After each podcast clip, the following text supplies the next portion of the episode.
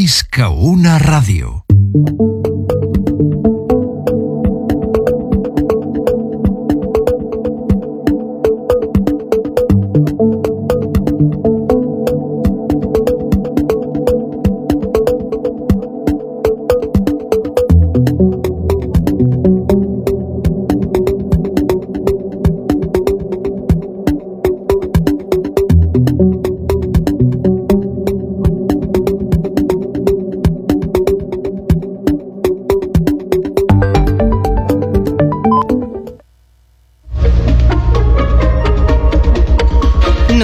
Notícies en xarxa. Bon dia, són les 9, us parla Maria Lara. La CGT ha convocat per avui una jornada de vaga dels treballadors de Renfe a la demarcació de Barcelona. El sindicat convoca l'aturada per denunciar les càrregues de treball i també la privatització que diuen suposa que s'externalitzin serveis com Renfe Mercaderies. Amb això, el Departament de Treball ha decretat uns serveis mínims del 66% a Rodalies en hora punta, que de fet ja ha fet que s'hagin detectat a Sants, per exemple, les primeres afectacions. Anem ara fins a Mataró. Àlex Andrés, com s'està vivint aquesta vaga allà? Bon dia. Bon dia. Doncs la R1 de Rodalies en el seu tram per Mataró no ha causat grans incidències més enllà de la vegada convocada pel sindicat CGT. A primera hora del matí la freqüència de trens ha estat respectuosa amb els serveis mínims. A més, en aquest tram del dia els vagons encara anaven alleugerats de viatgers i és que ara mateix encara circulen el 66% de la l'afluència normal. D'aquesta manera està previst que els principals problemes puguin arribar a partir de dos quarts de deu. L'única incidència remarcable és la supressió d'un tren que havia de sortir a les 6 i 53 minuts del matí des de Blanes en direcció cap a Barcelona, però ha tingut un problema tècnic que l'ha impedit imprendre la marxa i, per tant, ha afectat els viatges tant de la R1 com els que volien agafar-lo des de la costa del Maresme. Gràcies, Àlex. Bon dia. Molt bon dia. I Protecció Civil dona per finalitzada l'alerta del Pla Seccat que ha estat activada aquesta matinada pel fum causat del neteja d'uns dipòsits a Brentac Química en un magatzem de Granollers. Bombers de la Generalitat han aturat la neteja automàtica i un cop controlada la fumera han realitzat lectures en l'aire fins que han donat totes negatives i per tant han donat per finalitzada l'alerta. En l'incident un treballador ha estat atès pels serveis d'emergències per inhalació de fum.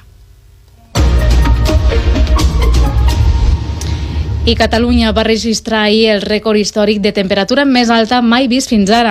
Figueres va arribar als 45,3 graus, pulveritzant la màxima catalogada fins ara, que eren els 43,8 graus al Carràs al 2019, i altres municipis de l'Alt Empordà, com Darnius i Anavada, també van registrar els 45,1. Per avui queda ja desactivada l'alerta Procicat per temperatura extrema, tot i que continuarà fent calor i també es manté l'alerta per alt risc o molt alt risc d'incendi, Protecció Civil, de fet, demana extremar la precaució. I el pont de Can Bernet de Sant Cugat és un bé d'interès nacional que es va construir fa més de 1.500 anys. Ara porta dos anys tancat i està en procés de rehabilitació. Cugat, Media Pau Vázquez. El pont de Can Bernet de Sant Cugat està sota estudi. S'estan realitzant els treballs de prospecció, exploració física, constructiva i material i també de recerca arqueològica per poder concretar com haurà de ser el projecte de restauració que s'està encara redactant. Aquests treballs previs que desenvolupa una empresa especialitzada tenen un cost de 48.239 euros que assumeix la Diputació de Barcelona. El pont es manté tancat des del maig de 2021 per un alguns despreniments que s'hi van produir. La seva intervenció serà major de la prevista inicialment i per això, segons va informar el govern anterior, la intenció és construir-hi una passera alternativa que molt possiblement acabi sent el pas definitiu. I és que aquest pont és el vestigi d'un aquaducte que va ser construït al segle IV i que servia per abastar d'aigua al monestir de Sant Cugat. Va ser declarat bé cultural d'interès nacional l'any 1979. I això és tot. Fins aquí les notícies en xarxa. Notícies en xarxa. Notícies en xarxa. Aquest estiu, obert per vacances. Cada matí, de 9 a 11, a la teva ràdio local. Amb Manel Ferrer. Bon dia, què tal? Benvinguts, benvingudes a l'Obert d'avui, 19 de juliol del 2023. Una jornada marcada per la vaga de Rodalies Barcelona i que decreta uns serveis mínims del 66% en hora punta i del 33% per la resta del dia. Uns serveis que, segons Renfe, fins al moment s'estan complint. L'acció està convocada pel sindicat minoritari CGT i, presten, i eh, protesten contra el que consideren una externalització de les càrregues de treball i el qualifiquen de privatització privatització encoberta del servei de Renfe Mercaderies i per reclamar que la jornada de 35 hores passi per una reducció de dies en comptes de minuts. A l'estació de Sants hi ha hagut retards i cancel·lacions a primera hora per aquesta aturada. Alguns usuaris desconeixien que hi havia la vaga i s'han trobat amb la dificultat afegida que algunes pantalles amb la informació de Rodalies que depenien d'Adif no estaven funcionant. I atenció perquè la calor pot també generar canvis a la jornada electoral del proper diumenge. Alguns col·legis electorals s'estan canviant de lloc per la calor i seran canviats per altres espais amb més ventilació i que puguin fer més passable la jornada amb aquestes temperatures tan altes i que estem patint en els darrers dies. Per tant, diumenge abans d'anar a votar, consulta la targeta censal o truca al 010 si encara et queden dubtes. Everything now.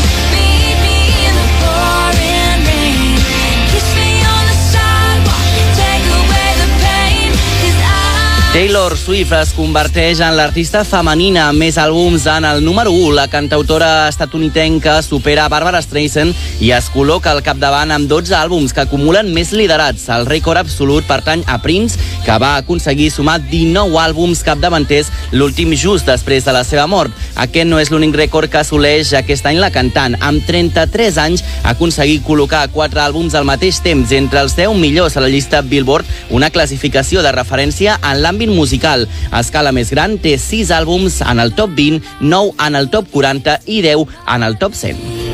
You're a bad idea. You text me one sentence, really something fine. I'm even better than you imagined I would be. I'm 9 i 6, comencem a moure'ns per Catalunya.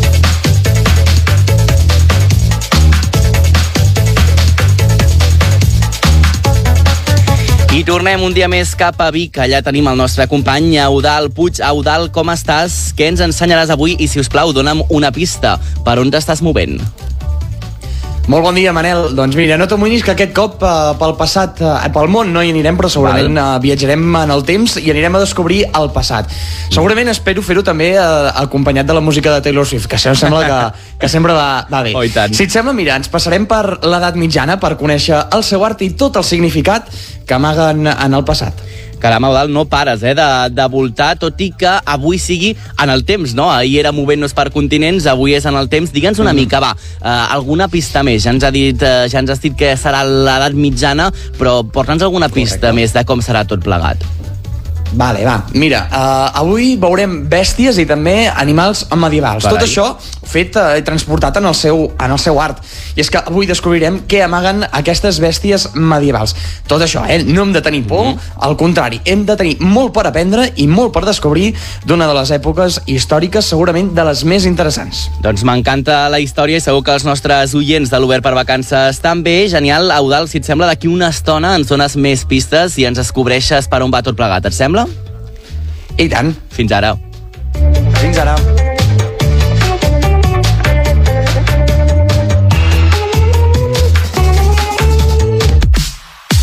Obert per vacances amb Manel Ferrer.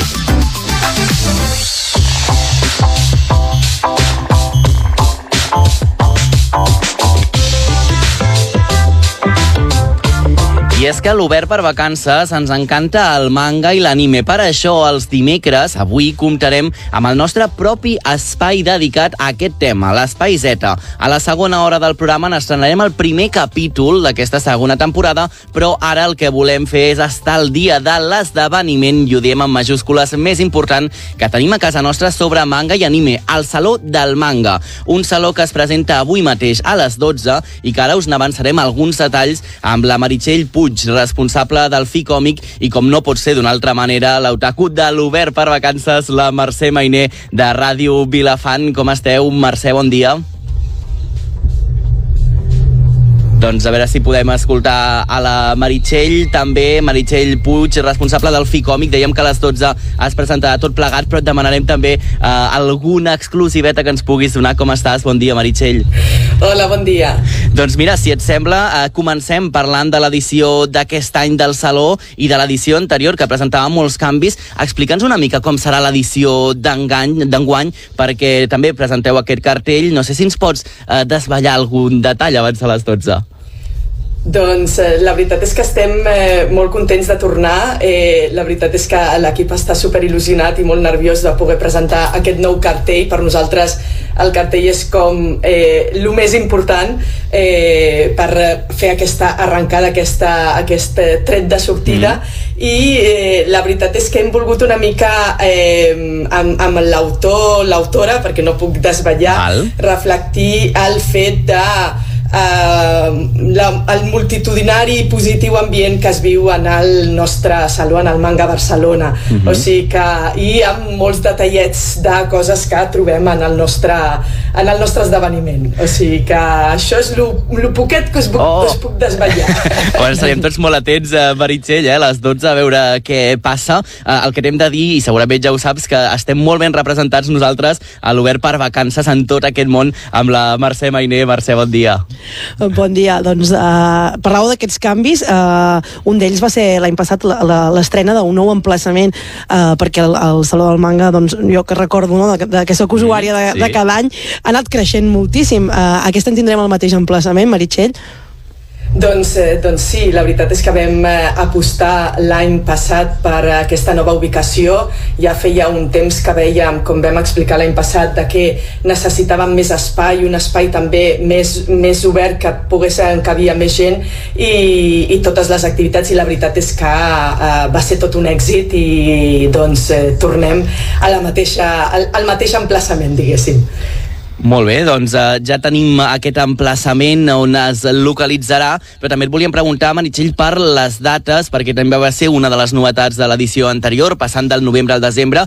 Com va funcionar aquest canvi? Entenc que bé, no?, perquè us manteniu també en el calendari.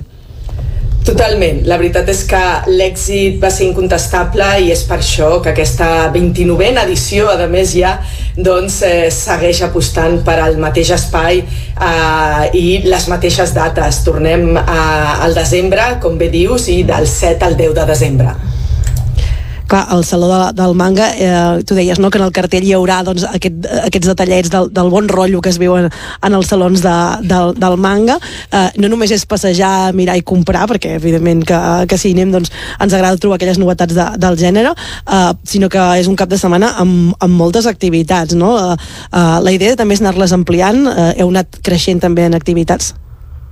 Sí, totalment. La veritat és que per nosaltres, eh, des dels eh, últims anys, eh, eh, veiem és un públic que li encanta, com has dit, però li encanta sobretot participar, ser també el protagonista de les coses que passen, que es poden fer en el- en l'esdeveniment, en el Manga Barcelona, i per això per nosaltres és molt important poder eh, anar creixent i poder anar aportant doncs, activitats eh, per aquests eh, aficionats que venen i que a més amb tanta il·lusió, tantes ganes de, eh, pues, com deies, de comprar, de veure novetats, d'estar de, de, d'estar a les activitats des de l'auditori, que tenim eh, els animes, el gran escenari amb els concursos i amb, eh, i amb eh, els artistes que venen eh, de Japó o els mangakes que portem, però també doncs, ells en primera persona no només volen veure, sinó que també volen participar i poder fer coses i amb això estem, seguim treballant per poder seguir creixent amb aquestes activitats participatives. Fins i tot recordo algun taller de gastronomia, que també és important la gastronomia.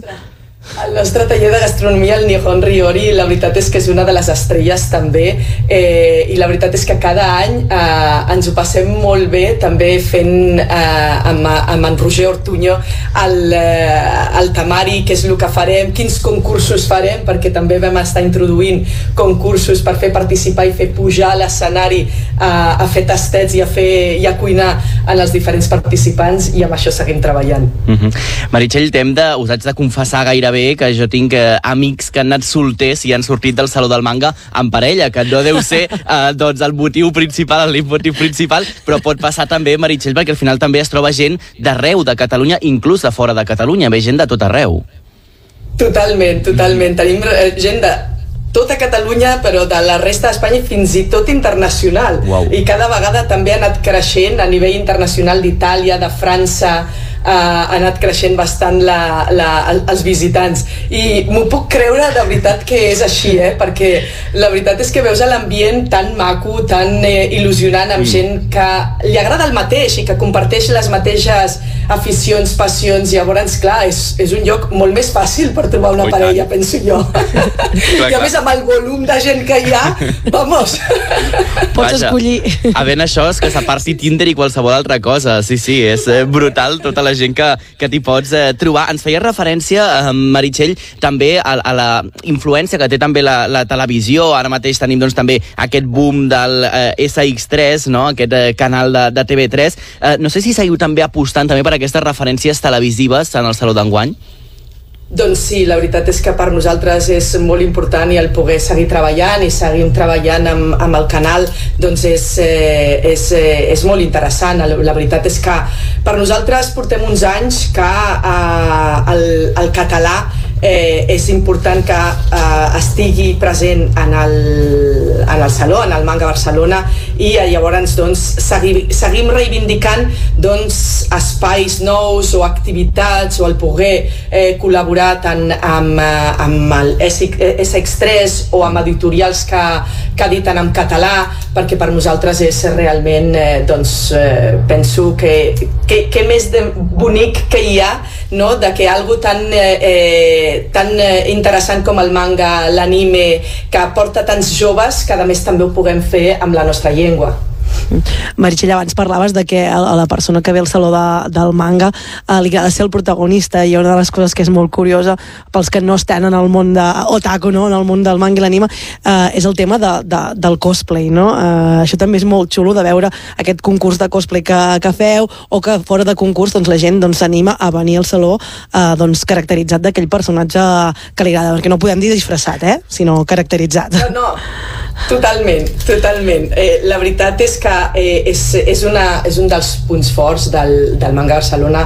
Eh, veure de més a tota aquesta riuada de gent caracteritzada amb cosplay dels seus eh, personatges eh, favorits que eh, la gent que participa als concursos penseu que moltes vegades eh, està un any pensant i eh, elaborant aquest, eh, aquesta caracterització, o sigui que realment és, és, és per nosaltres és molt, molt maco, molt important. El poder tenir aquests eh, eh, concursos, sobretot concursos internacionals, perquè a través del cosplay també una cosa eh, molt maca i que anem veient i per nosaltres eh, també anem intentant aportar cada vegada més, eh, més tipus de concursos o premis que puguin marxar a l'estranger. O sigui, són joves que amb la seva passió doncs, eh, estan també coneixent el món, estan eh, trobant-se amb gent internacional, per exemple amb el World Cosplay Summit, que és el, eh, el, el, el més important, el més internacional, és el que es fa la final, es fa al Japó, doncs per aquests participants que guanyen la final d'aquí de Barcelona,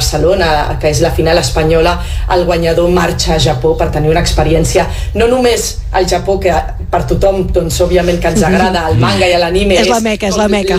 Exacte, exacte, sinó que a més vas a concursar al, al, al concurs més important i a més et trobes amb més de 40 països, o sigui que pots fer, eh, compartir moltíssimes vivències amb gent d'altres països i això crec que és molt enriquidor. Mm -hmm. uh, Meritxell, també volíem preguntar, perquè és cert que el manga és molt atractiu entre la gent més jove, inclús també els adolescents. Uh, el dilluns començàvem aquest uh, programa, aquesta temporada, doncs, parlant també del foment de la lectura. Home, per aquí també és un bon canal d'entrada, no?, la lectura a través del manga i del còmic. Totalment d'acord. per nosaltres és eh, molt, molt important i per això, a més, també eh, tenim un espai que és Manga Kids, eh, on eh, donem a conèixer doncs, moltíssimes coses, però també introduïm els més petits i a les famílies que portin els nens a poder-se introduir en el món del manga, perquè eh, realment Uh, a més, mm, per mi el manga és una de les, eh, de les eines més importants també per l'adolescència. Jo mateixa que tinc un adolescent a casa, doncs ella quan va començar a llegir eh, estava encantadíssima de llegir, de cop i volta va arribar a l'adolescència i el de llegir no és el seu. I el manga, el còmic, la veritat és que això va fer eh, un canvi també en el tornar a veure-la amb, amb, amb, amb llibres, va ser com un oh, quina il·lusió, que bé o sigui que sí, totalment per nosaltres és molt molt important també el poder seguir eh, pues això, de que els joves llegeixin i si és a través del manga, benvingut sigui Doncs això serà genial. Deixa'm dir-te abans d'acomiadar-te, Meritxell, que nosaltres cada dimecres eh, sortejarem entrades dobles per al eh, Saló del Manga. Ho explicarem després, més tard, a la segona hora del programa, però nosaltres ja ens guardem aquestes dates del 7 al 10 de desembre i li haurem demanat també a nostra companya Mercè, que és la nostra especialista en manga i anime, que m'aconselli després amb quin personatge podria fer-me cosplay. No sé què, què, què m'enganxa, Mercè, què diries tu? Jo crec que el més fàcil, Manel, Sí? eh, és que vagis de Luffy, de One Piece, el, eh, el protagonista de, de One Piece, aquest pirata que vol ser el rei dels pirates, que a més a més s'està matent en català a SX3, jo crec que ho tens molt fàcil. Sí? Un barret de palla, xancletes, pantalons pirata i una camisa em va mànigues. perfecte, Et va Mercè, perquè venim de la festa de pirates i premianencs de, primar, de, de premiar, tinc el, el, el barret de palla, tinc també la indumentària de pirata, és a dir que podria anar-hi, a, a lligar ja no, perquè ja, ja estic agafat, però escolta, per passar una bona jornada estaria perfecte. Uh, gràcies, eh, Meritxell, per passar avui, Meritxell Puig, directora del gràcies a Ficòmic. vosaltres i moltíssimes gràcies per fer aquest programa perquè segur que serà meravellós i molta gent podrà conèixer moltes coses. Segur que sí. Mercè, moltes gràcies. Ens trobem al Saló del Manga, Manel. Vinga, allà ens hi trobarem. Gràcies. Fins ara. Nosaltres us seguim explicant també que el còmic ha anat guanyant lectors en els darrers anys i actualment es troba en un estat de saturació. No obstant això, els experts en aquest àmbit asseguren que es troben marginats de les institucions i que per això una opció és l'autoedició. Ens ho explica la nostra companya Judit Castellà de UAU Lleida Ràdio. És un mitjà d'expressió que s'ha anat adaptant amb els anys i que ha anat creixent de la mà d'una societat que evoluciona constantment. Les primeres tires còmiques comercials són americanes, igual que els primers comics books, i apareixen al final del segle XIX, però l'essència del còmic es remunta molt més abans, quan la humanitat descobreix la necessitat d'expressar-se de forma visual, quan encara no hi havia el llenguatge escrit. De fet, els experts asseguren que el còmic és art seqüencial, com ho van ser les pintures rupestres i els retaules religiosos. A Espanya el còmic comença a arribar aquí de forma massiva als anys 80 i a mesura que creix també arriba a Lleida. Un dels experts en aquest àmbit és l'artista Chimi, membre de l'associació Bronca, que assegura que ara mateix hi ha saturació al mercat. Vivim un moment a nivell editorial de, de saturació. La quantitat de- d'exemplars que es destrueixen perquè no s'arriben a vendre i la quantitat de col·leccions que surten és... No és que creixi per demanda, és que a base de saturar el mercat la demanda és, és inevitable. Però sí, genera, genera molt interès i la gent s'interessa moltíssim pel medi. Tot i això, assegura que Lleida el manga està marginalitzat sense el suport de les institucions. Amb 16 associats, Bronca ha editat i venut èxits com Ruïna, un exemplar sobre la destrucció del casc antic de Lleida, i Bronca, un còmic d'humor underground. Sigui com sigui, els amants del còmic tindran lectures per molt de temps i aquells que encara no ho siguin sempre poden endinsar-se en un món literari que, lluny del que pot semblar, no s'emmarca només en perfils concrets. Obert per vacances. Busca'ns a la teva ràdio local.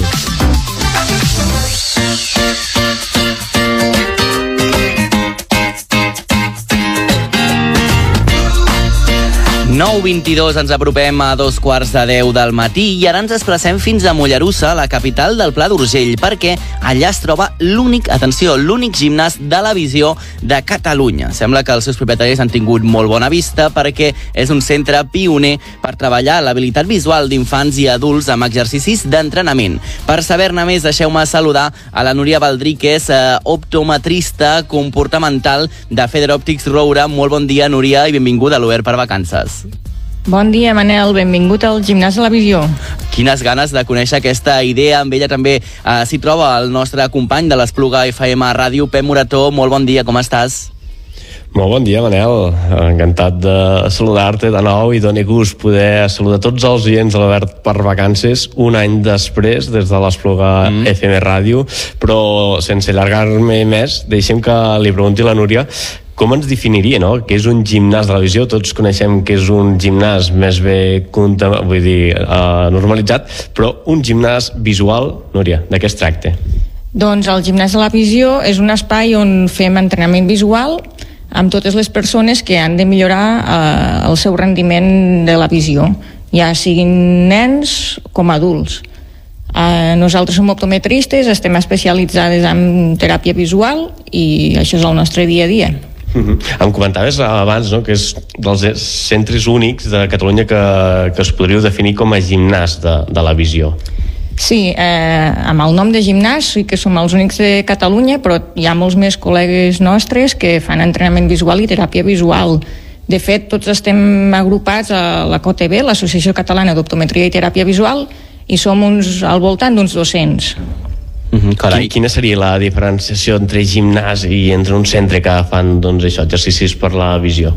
Clar, nosaltres el 2017, quan vam obrir, quan volíem obrir el gimnàs, vam dir, ostres, eh, tot el concepte de teràpia visual sona a, a que estic malalt i, i cap dels nostres clients eh, està malalt, són gent activa, gent jove, gent que vol millorar la seva visió. Llavors vam dir, hem de donar la volta amb aquest concepte. Llavors sempre parlem d'entrenament visual i el fet de ficar-li gimnàs la visió és com més motivador a l'hora de treballar. Uh -huh. uh, que us va motivar a crear aquest gimnàs a la visió l'any 2017 i ja també en tot aquest uh, temps, quina ha estat també la resposta de la comunitat, de la gent fins a dia d'avui? Mira, eh, nosaltres som eh, una família que som tots òptics optometristes i el meu tiet, el Manuel Roure, va ser un dels pioners a, a portar l'entrenament visual a Espanya fa més de 40 anys. Mm. Llavors, entrenament visual fa molts anys que en fem, però eh, diguem que el més innovador ha sigut donar-li la volta al concepte, no? Llavors, els nostres clients, el nostre primer objectiu és que tothom vingui content a fer entrenament visual i motivat. I l'acceptació ha sigut superbona. Molt bé, carai, doncs ens n'alegrem eh, moltíssim i també et volem preguntar justament per als beneficis eh, doncs, que té aquest entrenament visual i com es pot també millorar aquesta agudesa, la memòria visual i d'altres habilitats també relacionades. Explica'ns una mica. Mira, primer de tot el que cal fer és una avaluació optomètrica completa en el que s'avalua, com bé dius, doncs, l'agudesa visual, la motilitat ocular, superrelacionada amb la lectura, la capacitat d'enfocar, que és eh, una habilitat que molta gent que treballa amb ordinador cada vegada pateix més, eh, la coordinació dels dos ulls, molt relacionada amb els estrabismes o nens que giren els ulls o ulls ganduls, i eh, una sèrie d'habilitats perceptives per, per entendre com és l'aprenentatge de, de molts alumnes. Mm. Llavors, un cop tenim eh, mesurades totes aquestes habilitats, podem crear un pla d'entrenament personalitzat per cada persona. Uh -huh. um, per tots aquells que ens escoltin, no, dir-los que ens trobem amb aquest gimnàs que es troba aquí a Mollerussa, a peu de, de carrer, i el que podem veure en aquest gimnàs són diferents elements molt visuals, sobretot de, de colors molt, molt clars i molt diversos, que, que es troben doncs, en, en una sala i que a partir d'aquí doncs, feu diferents activitats que t'ajuden a, a la vista. No? Per tots aquells que, que ens estiguin escoltant, què és el que hi troben a, en aquest gimnàs? Doncs a, a la sala del gimnàs de la visió podem trobar des de la pilota de Marzen, que mm, és una pilota penjada d'un fil des del sostre, que quan la fem balancejar, per exemple, podem entrenar els moviments dels ulls. També utilitzem eh, elements de, per treballar la visió en 3D o elements més eh, innovadors com poden ser pantalles tàctils o ulleres de realitat virtual la gràcia de, de cada entrenament és que és a mida de cadascú. Eh, ja pots tenir 4 anys o pots tenir 94 que adaptarem a, a les teves capacitats la, les eines que haurem d'utilitzar per entrenar la teva visió. Uh -huh. Ara parlaves de, de ulleres 3D, de ulleres de realitat virtual. Uh, entenc que són que ajuden, en aquest cas, en els pacients, però jo també et voldria preguntar si en aquest cas cada dia són més les ulleres virtuals que podem trobar al nostre abast com a usuaris, si això serà un problema o no, perquè doncs, les, les pantalles cada cop les tindrem més a prop. Sí, la, la, les ulleres de realitat virtual són una eina innovadora que ens permet eh, utilitzar doncs això, eh, les imatges eh, diferents amb cada ull que hi ha per, per entrenar tot el, tot el sistema visual, però per la gent que, per exemple, no, el, el jovent que juga es pot passar moltes hores a, dins d'aquests mons virtuals amb les ulleres, també cal tenir present doncs, eh, fer descansos uh -huh. i no abusar-ne excessivament. Amb el tema de les pantalles, tots utilitzem pantalles 8, 10 hores al dia, ja sigui amb ordinador, ja sigui 4 hores o 5 de mòbil al dia. Llavors, en aquests, eh, en aquests casos és important eh, prevenir i fer un ús responsable. Sí que és molt difícil, perquè la feina és a la pantalla i, i l'oci també, però ser conscients de, del risc que, que, que pot suposar passar-nos més hores de, del que el nostre sistema visual pot aguantar mirant una pantalla. Escolta, em volíem també preguntar, eh, ens feies aquesta referència de les hores que estem 8 o 9 hores davant d'una pantalla, són moltíssimes hores. Eh, Núria, no sé si ens podries donar algun consell també eh, per mantenir aquesta salut visual, si per feina eh, no hi ha més remei doncs, que haguem d'estar tota la jornada davant d'un ordinador. No sé si hi ha alguna cosa que ens pot ajudar a mantenir la salut visual, a part d'unes bones ulleres, clar. Sí, Manel. Mira, una, una recomanació molt fàcil és la norma del 20-20-20, Mm? que ens la podem aplicar tots perquè és, és fàcil d'utilitzar. Eh, el 20-20-20 vol dir que cada 20 minuts, durant 20 segons, hem de mirar a 20 peus, que 20 peus són uns 6 metres. Això vol dir que cada 20 minuts hem d'alçar la mirada de la pantalla i intentar mirar el lloc més llunyà de l'oficina eh, durant 20 segons i amb, aquest petit, amb aquesta petita norma el que aconseguim és fer petits moments de relax pel Mhm. sistema visual. Uh -huh. Home, això estaria perfecte i escolta'm, si ja tenim unes vistes no, a la redacció o a les feines que ens donguin al mar o a la muntanya, ja Núria, això seria ja un luxe, eh? Sí, sí, sí. A veure, Aniria això ja bé. és fantàstic. També et volíem eh, preguntar, perquè la gimnàstica visual està molt estesa entre els països, entre diferents països, com per exemple als Estats eh, Units. Creus que també hauríem de tenir més consciència de l'importància dels ulls i treballar-los també a l'escola? Perquè, per exemple, fem educació física, eh, saltem, eh, ballem, ens movem, fem esport, eh, futbol, eh, bàsquet, de tot. També s'hauria de treballar, potser, o, o, o intentar donar consciència als nens i les nenes des de petits de la importància de tenir una bona salut visual? Absolutament. Eh, nosaltres, per exemple, amb el nostre equip d'optometristes, cada curs eh, fem cribatges a les escoles i fem eh, formació pels mestres perquè puguin eh, primer conèixer els, els bons hàbits visuals Mm -hmm. i després eh, poder-los aplicar a l'aula. És superimportant, eh, al igual que tenim hàbits d'higiene bucal, hàbits de... Eh, de- d'alimentació, també tindré bons hàbits visuals amb, amb la canalla més petita.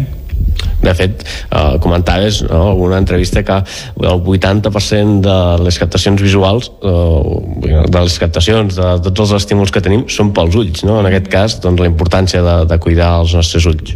Sí, sí, de fet, de tota la informació que rebem, el 80% és d'origen visual i més a l'escola, quan els nens han d'aprendre eh, gran part d'aquesta informació arriba pel sistema visual. Per això és tan important fer una bona prevenció de la salut visual i eh, fer revisions i saber com funcionen tots els, tots els sistemes visuals de, dels alumnes que hi ha a les escoles. Uh -huh. um, no sé si teniu plans per expandir en aquest cas el gimnàs de la visió en altres municipis o, si més no, també introduir doncs, nous programes de- d'entrenament de, visual. Eh, de moment no tenim plans de- d'augmentar eh, perquè és això, la, la idea el millor és que cada vegada els optometristes puguem fer millor feina eh, que cada poblet de Catalunya tingui el seu optometrista eh, de confiança amb una bona formació i, i la segona pregunta, perdona No, sí, en això no, en aquest cas entenc que cada any rere any doncs, entrenaments visuals diferents per, per tots eh, els usuaris, perquè també deies, eh, vull dir, tant infants, però també gent adulta, vull dir, no només aquí hi passa doncs, un tipus específic de, de, de pacient. Mhm. Sí, cada vegada més també els nostres clients són persones adultes ja sigui persones que han tingut eh, que tenen fatiga visual deguda a la feina com el que dèiem de persones que han tingut lesions cerebrals, ictus eh, hemorràgies cerebrals que els hi afecten el, a la visió Uh -huh. a nivell d'esportistes també cada vegada hi ha més companys optometristes que fan entrenament visual amb equips de hockey, amb equips de futbol, amb equips de bàsquet i, i és una disciplina que s'està també fomentant últimament. Uh -huh.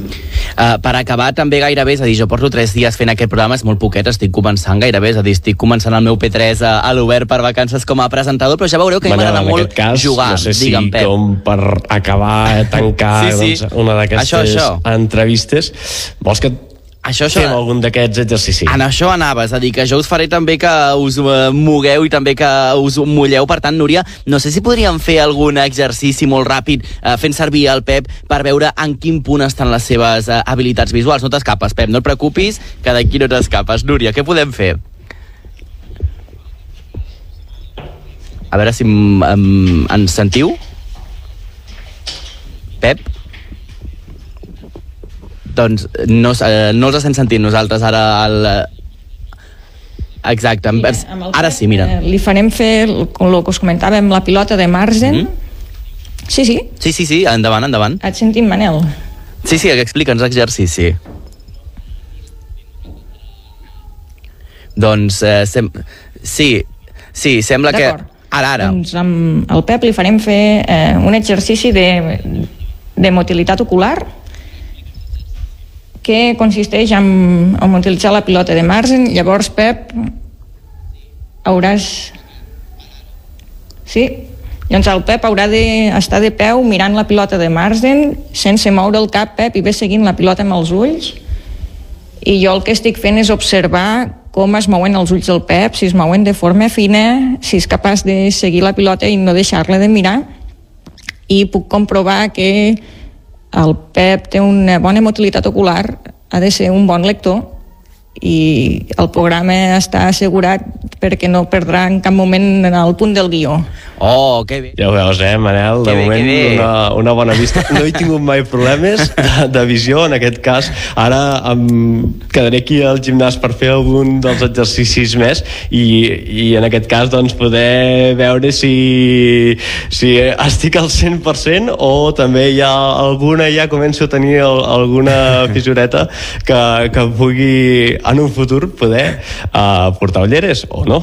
Molt bé, doncs escolta, va, ens en alegrem moltíssim, eh? perquè això vol dir que podràs acompanyar-nos durant molts matins eh, més. Gràcies, Pep, i gràcies també a la Núria Baldric de Federa Òptics Roura per compartir també aquesta entrevista i aquesta experiència amb l'Obert per vacances. Moltes gràcies als dos. Que vagi molt bé. Fins ara.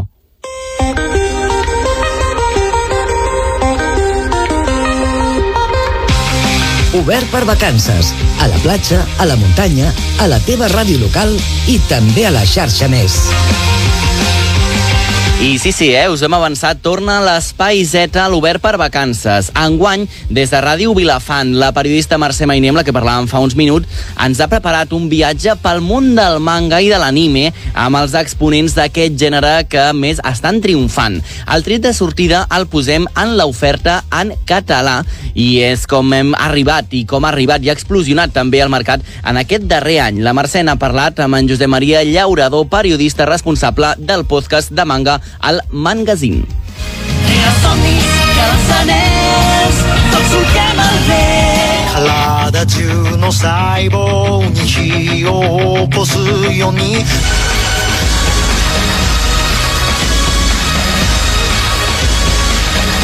L'oferta de manga actual en català és bastant diversa dins del que comporta que només fa un any eh, aproximadament que, que s'ha revifat una mica aquesta flama del, del manga en català per part de diverses editorials. Eh, S'ha de comentar de manera bastant destacada que des del 2018 l'editorial Oso, una editorial de Prades, doncs, eh, està editant manga en català, tot el que edita ho edita en català, el que passa que són, doncs també és veritat que són sèries més aviat un to més clàssic. Eh, des del passat mes de febrer-març del 2022 eh, tenim ja eh, sèries eh, una mica més de moda, eh, de més mainstreams, podríem dir, com podríem eh, referir-nos, per exemple, a My Hero Academia, que va editar Planeta eh, fa més d'un any, però eh, també s'han adherit, eh, adherit altres eh, editorials que han reprès una mica el, el manga en català.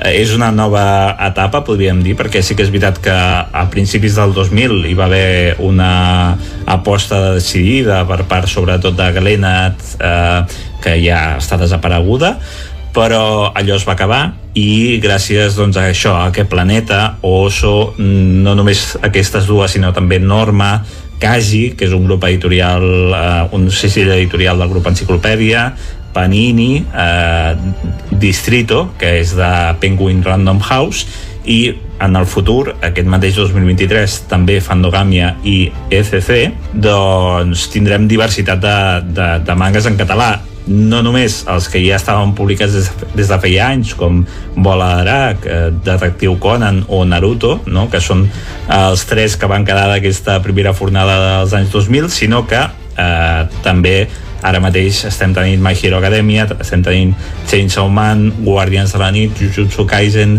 eh, també Orange per part de Kaji, també eh, Grendel i Dodoma, també eh, el, el joc d'heroïnes, disculpeu, també eh, a Distrito, Distrito està publicant una obra que sembla que ho patrà bastant, que és Windbreaker. Panini ha recuperat eh, Berserk en català, eh, està començant a publicar-lo tot just ara, i eh, també en el futur Fandogàmia publicarà el primer Josei, el primer manga adreçat a dones adultes um, de, que, ten, que tindrem en català no se n'havia editat mai cap eh, de moment encara no hi ha títol provisional però sí que és, és un títol de l'autora Kabi Nagata i eh, ECC eh, publicarà començarà a publicar a finals d'any també a l'autor de terror Junji Ito. Sí que és veritat que falta una mica més de diversitat, no? En tot cas, ara mateix aquesta és la situació del manga en català.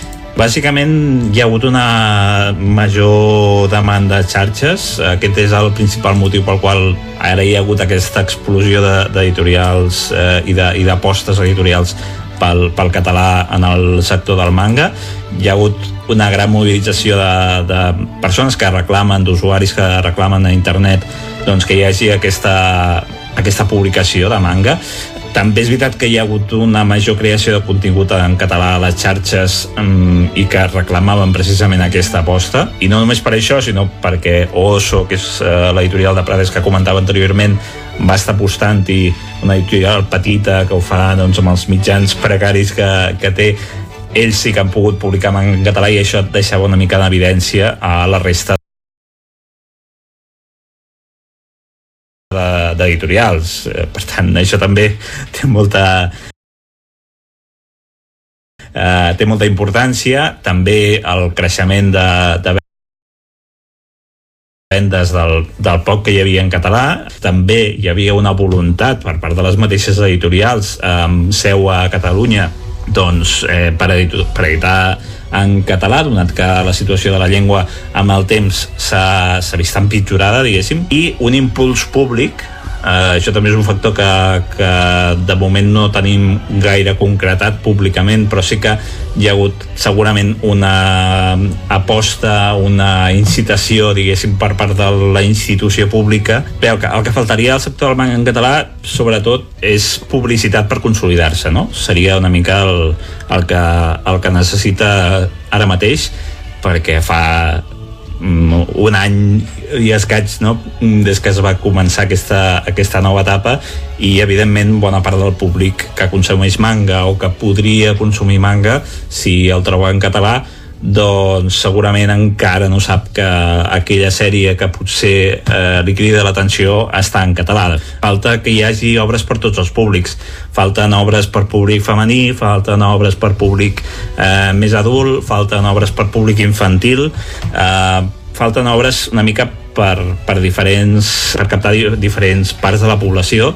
Tota la lectura és lectura al final no, no hi ha lectura bona i lectura dolenta no hi ha una lectura que et tregui dels hàbits de lectura. Mm, evidentment eh, el manga és una porta d'entrada o, o simplement un espai segur en el que molta gent, joves i no tan joves, s'hi poden, poden afegir eh, perquè al final hi ha molt poca gent, molt, molt poca part de la població que realment fins i tot a la seva edat adulta estigui llegint llibres, no?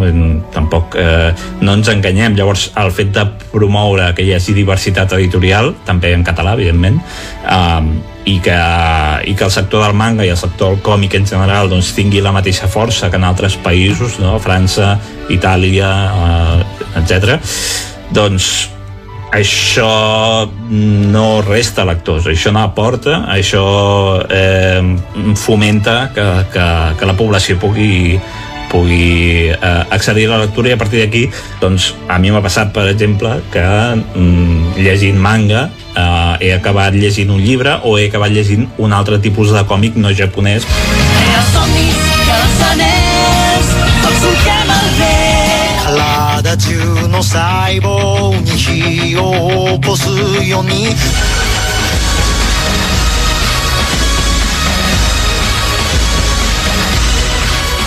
I molt atents, perquè ara heu d'entrar a la xarxa més per on vulgueu, a través de la tauleta, a través del mòbil, a través de l'ordinador, perquè, com bé us hem dit, el primer de tot, recordar que tots els episodis de la primera temporada i d'aquesta segona temporada els podeu trobar a la xarxa més i, com dèiem al principi del programa, sortegem una entrada doble per anar al Saló del Manga el divendres 8 de desembre. Per tant, molt atents. Si sou la Mercè Mainé, no, perquè és companya nostra, però tots els seus amics i la gent que us agrada el manga i el còmic, per participar, heu de fer una cosa molt senzilla. Heu de cercar la primera temporada de l'Espai Z a la xarxa més i enviar-nos en una nota de veu al 628 841 055 628 841 055 ens heu de dir el vostre nom, des d'on ens truqueu i indicar el vostre personatge preferit que va aparèixer a la primera temporada del nostre podcast i el dimecres que ve direm quin ha estat el guanyador. Per tant, heu de fer això, d'entrar a la xarxa més, cercar els diferents episodis i dir-nos quin és el vostre preferit. Per exemple, per refrescar-vos la memòria, podria ser Massinger Z, per exemple?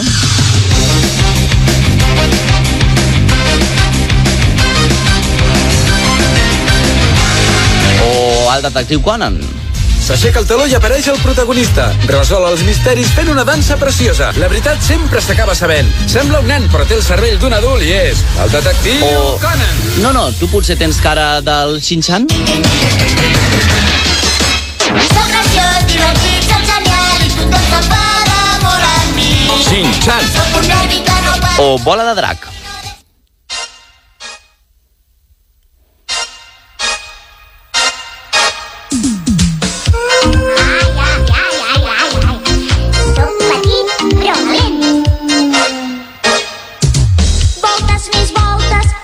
Doncs va, feu una ullada a la xarxa més, cerqueu el vostre personatge preferit i ens envieu una nota de veu al 628 841 055. Nosaltres seguim endavant.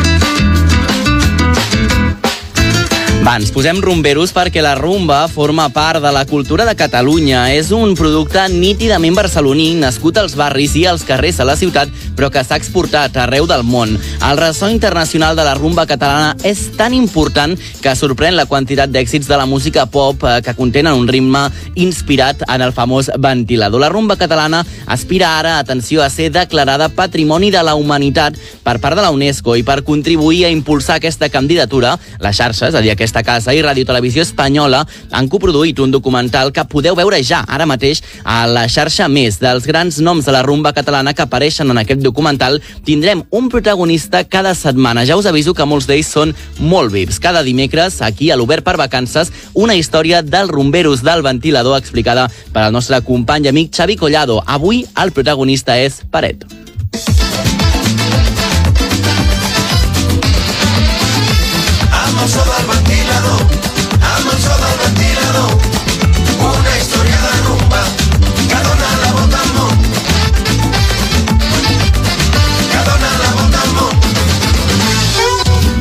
Va ser un dels pares de la rumba catalana. Cançons com Borguito van marcar l'inici de la seva carrera. La seva filla, Rosita Pubill, explica el perquè de Borriquito. El burriquito como tú. perquè m'acompanyava a mi al col·le i m'estava donant lliçons que s'ha d'estudiar, de no, no s'ha de donar burres i, no, i d'aquí va sortir el, el borriquito. Dani Salvat Pubill, net de Paret. La majoria de les lletres de les cançons són lletres alegres, però hi ha moltes que tenen una certa moralitat, no? Per exemple, el Borriquito. Hi ha molta gent que no, no sap què és una crítica. No? I en aquella època s'estilava molt el portar les coses de fora i les coses d'aquí s'estan deixant més de banda. No? I el que critica precisament és la gent que és de Vigo, es fa, es fa dir Peter, però es diu Pedro. No?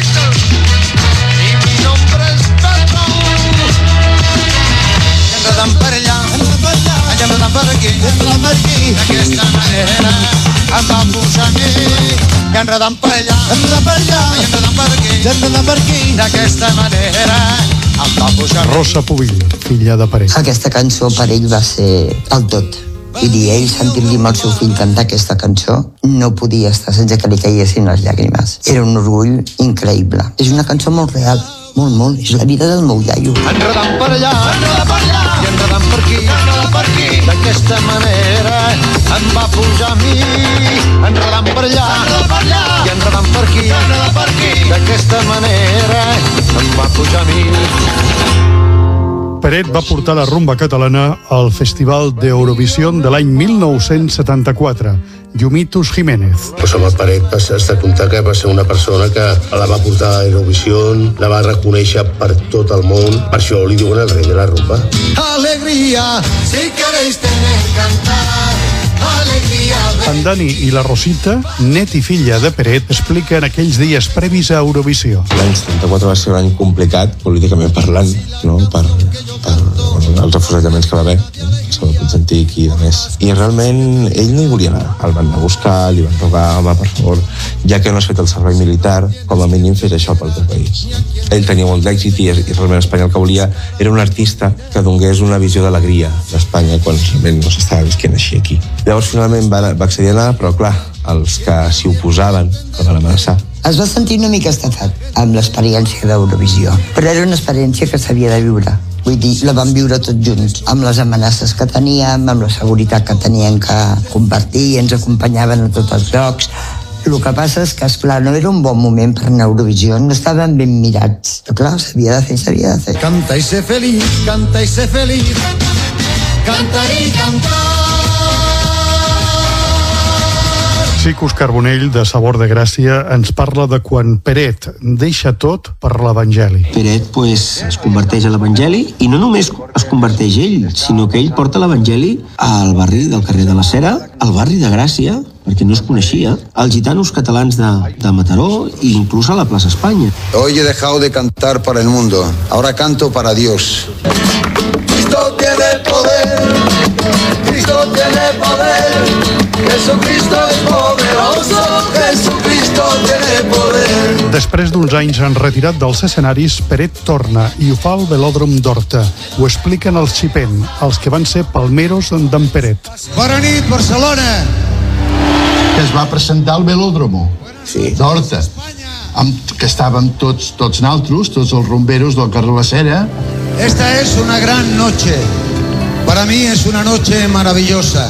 30 años de rumba. Una lágrima cayó en la... Van arribar als Jocs Olímpics i amb ells Gitana Hechicera. Recordem que va començar com un embrió quan Peret predicava l'Evangeli amb Cristo tiene poder. Ho explica Dani Pubill, net de Peret. Va crear aquesta cançó. Cristo tiene poder, Cristo tiene poder, Jesucristo es poderoso, Jesucristo tiene poder. I d'aquí, pues, guitarra. tiene poder, Cristo tiene poder, No hi haurà ningú que faci una rumba catalana com la va fer Peret amb la gitana hechicera cantant a Barcelona 92. Per mi és una cançó perfecta, que diu la veritat, que en aquella època era Barcelona. Una gitana que hechissava, que qui venia aquí es quedava a viure a Barcelona.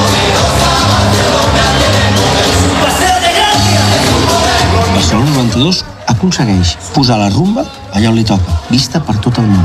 I Barcelona ensenya la única música que té a la ciutat, perquè la sardana és de l'Empordà, no és d'aquí. Igual que el Fado està a Porto, doncs Barcelona diu jo tinc la rumba catalana. I trec el pare de la rumba, trec els Manolos i trec el Samaya.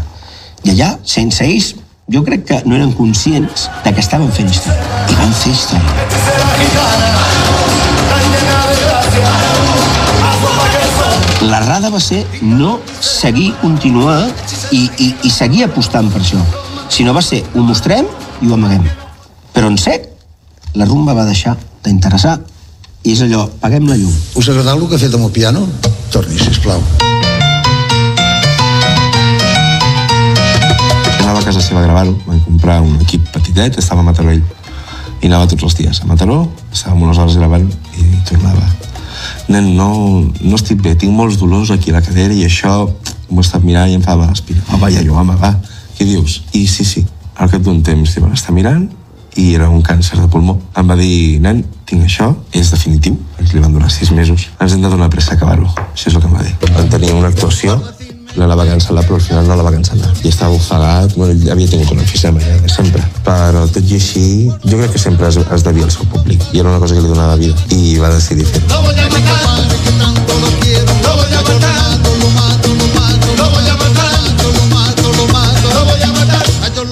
va donar el callo, va treure el, el, els, els collons d'on no hi eren, perquè sempre els tenia. Mira que tenia gai- gairebé 80 anys, 79 anys. Tenia una força a l'escenari que no li podies darrere. Era impressionant. I va fer aquella actuació.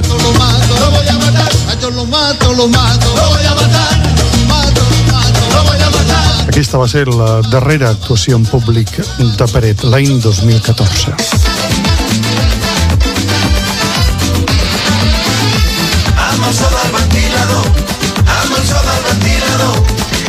Amb el so del ventilador, gitana hechicera de Peret. Que bé ens ho hem passat en aquesta estona. Recordar-vos que, que això són petits tastets que tindrem cada dimecres, però si voleu veure el documental sencer el podeu trobar des d'ara mateix ja a la xarxa més. I nosaltres seguim parlant de música, concretament de la nostra cançó de l'estiu. Obert per vacances. Busca'ns a la teva ràdio local.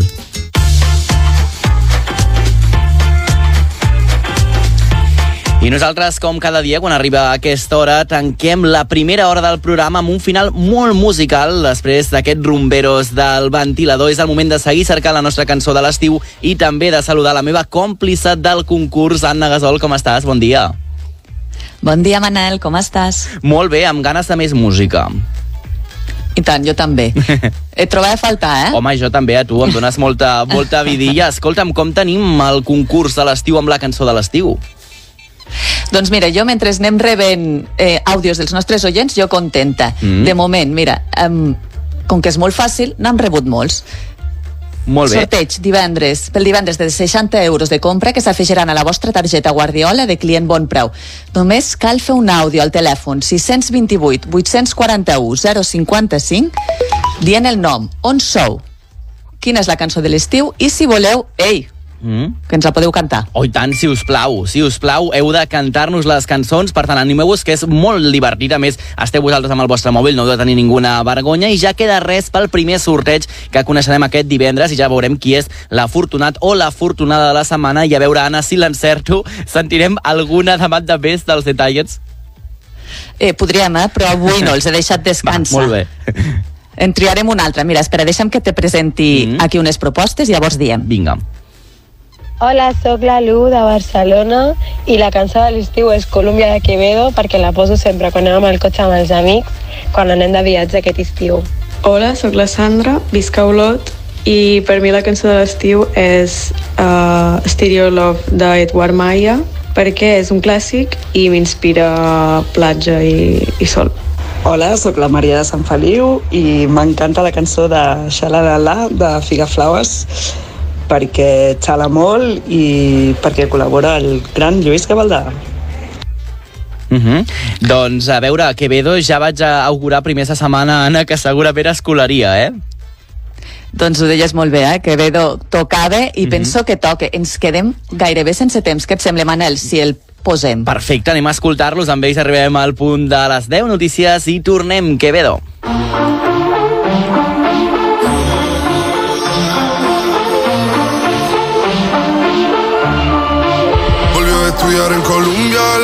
sin nada que hacer. El año se le hizo largo, estudió y cumplir su deber. En llamada a su amiga le dice que este verano es para beber. Solo quiere salir y de nadie depender. Hasta que me conoció,